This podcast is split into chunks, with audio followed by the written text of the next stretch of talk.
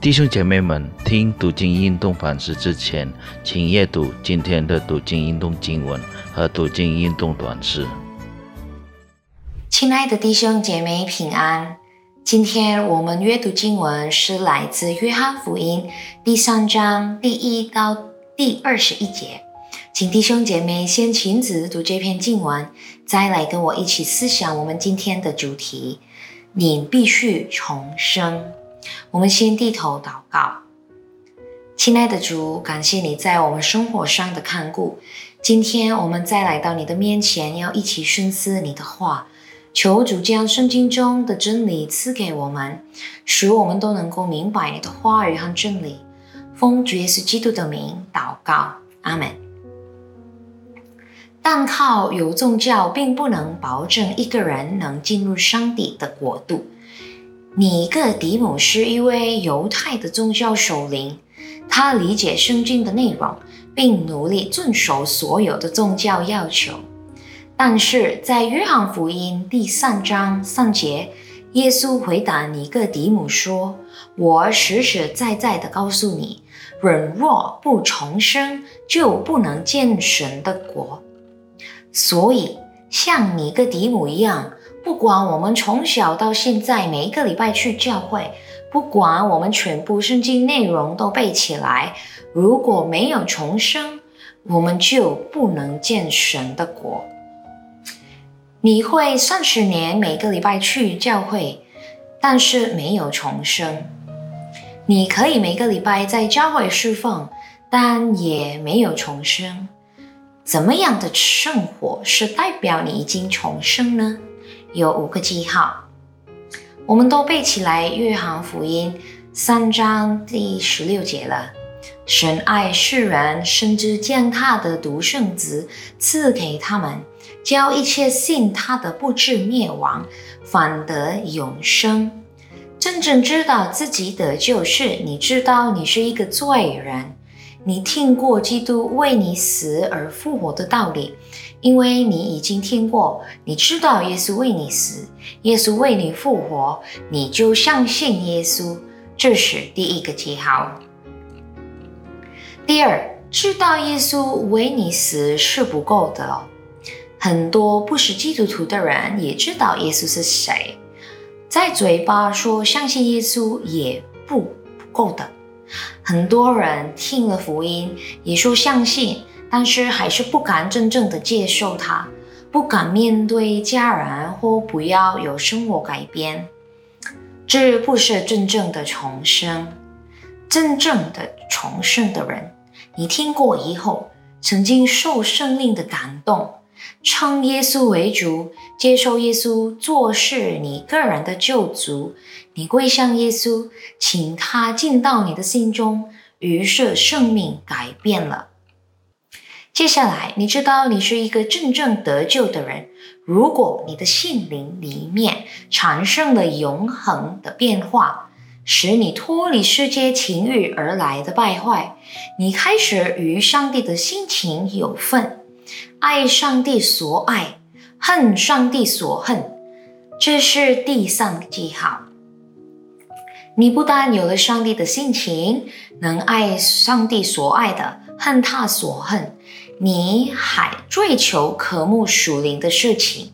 你对祷告、对圣经、对属灵的价值有了新的看法，有了新的定义，有了新的估计。你对待属灵的事与从前不一样，这是你第四个记号。第五个记号，你开始关心别人的灵魂。一个从来不关心别人灵魂的人，怎能说是一个真正得救的人呢？从来不管别人得救不得救的人，怎能说是重生的人？一个重生得救的人，一定关心别人的灵魂。亲爱的弟兄姐妹，一个只爱唱诗，除了参加诗班什么都不做的人，不一定是得救的人；一个只爱做志事，在教会做招待员，对人灵魂的是丧毫不关心的人，不一定是一个得救的人；一个只奉献金钱，此外什么都不管的人。也不一定是个得救的人。一个真正得救的人，一定关心别人的灵魂，这是没有办法逃避的，因为这是一个生命的记号。当你看见你的弟弟在被火烧着的房子里，你说不要紧，因为人总有一天会死。感谢主，我怎能相信你是他的兄弟姐妹呢。我也不相信你爱他。你说不要紧，我为他预备棺材好了。那不行的，因为这不是关系到钱的问题，不是关系到平常我对他好不好的问题。这乃是生死的问题。我是他的哥哥或姐姐，我不能眼巴巴的看着他被火烧死？我一定要大喊大叫，用各样的办法将他抢救出来。火烧了出来吧！你冒着自己被火焚烧的危险跑进去，把他拉了出来，这就证明你和他的生命有关系。亲爱的弟兄姐妹，想一想，你已经重生了吗？你对祷告、对圣经、传福音的态度怎么样？以前的你跟现在的你有没有改变？坏习惯有没有改变？还是都一样呢？以前吸烟，今天还是吸烟吗？以前爱喝醉，今天还是爱喝醉吗？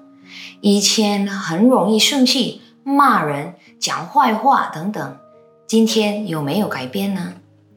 真正重生的人，一定会有生命改变，一定想要越深爱上帝，一定要更深认识上帝。我们一起祷告，亲爱的主耶稣，原谅我们的罪，我们需要你。你是唯一个真正的道路，没有你，我们就该永远死。但是因为你来了世界上为我们死，所有相信你的人就得永生。主耶稣，让我真正有生活改变。我要更深爱你，更深认识你。我要越来越像耶稣。我们知道有很多我们认识的人。完全没有听过你，给我们勇敢的心，与他们传福音。奉主耶稣基督的名祷告，阿门。亲爱的弟兄姐妹，记得上帝与你们同在。每天起床时，记得先祷告，请上帝帮助你们面对每一天的生活挑战。再见。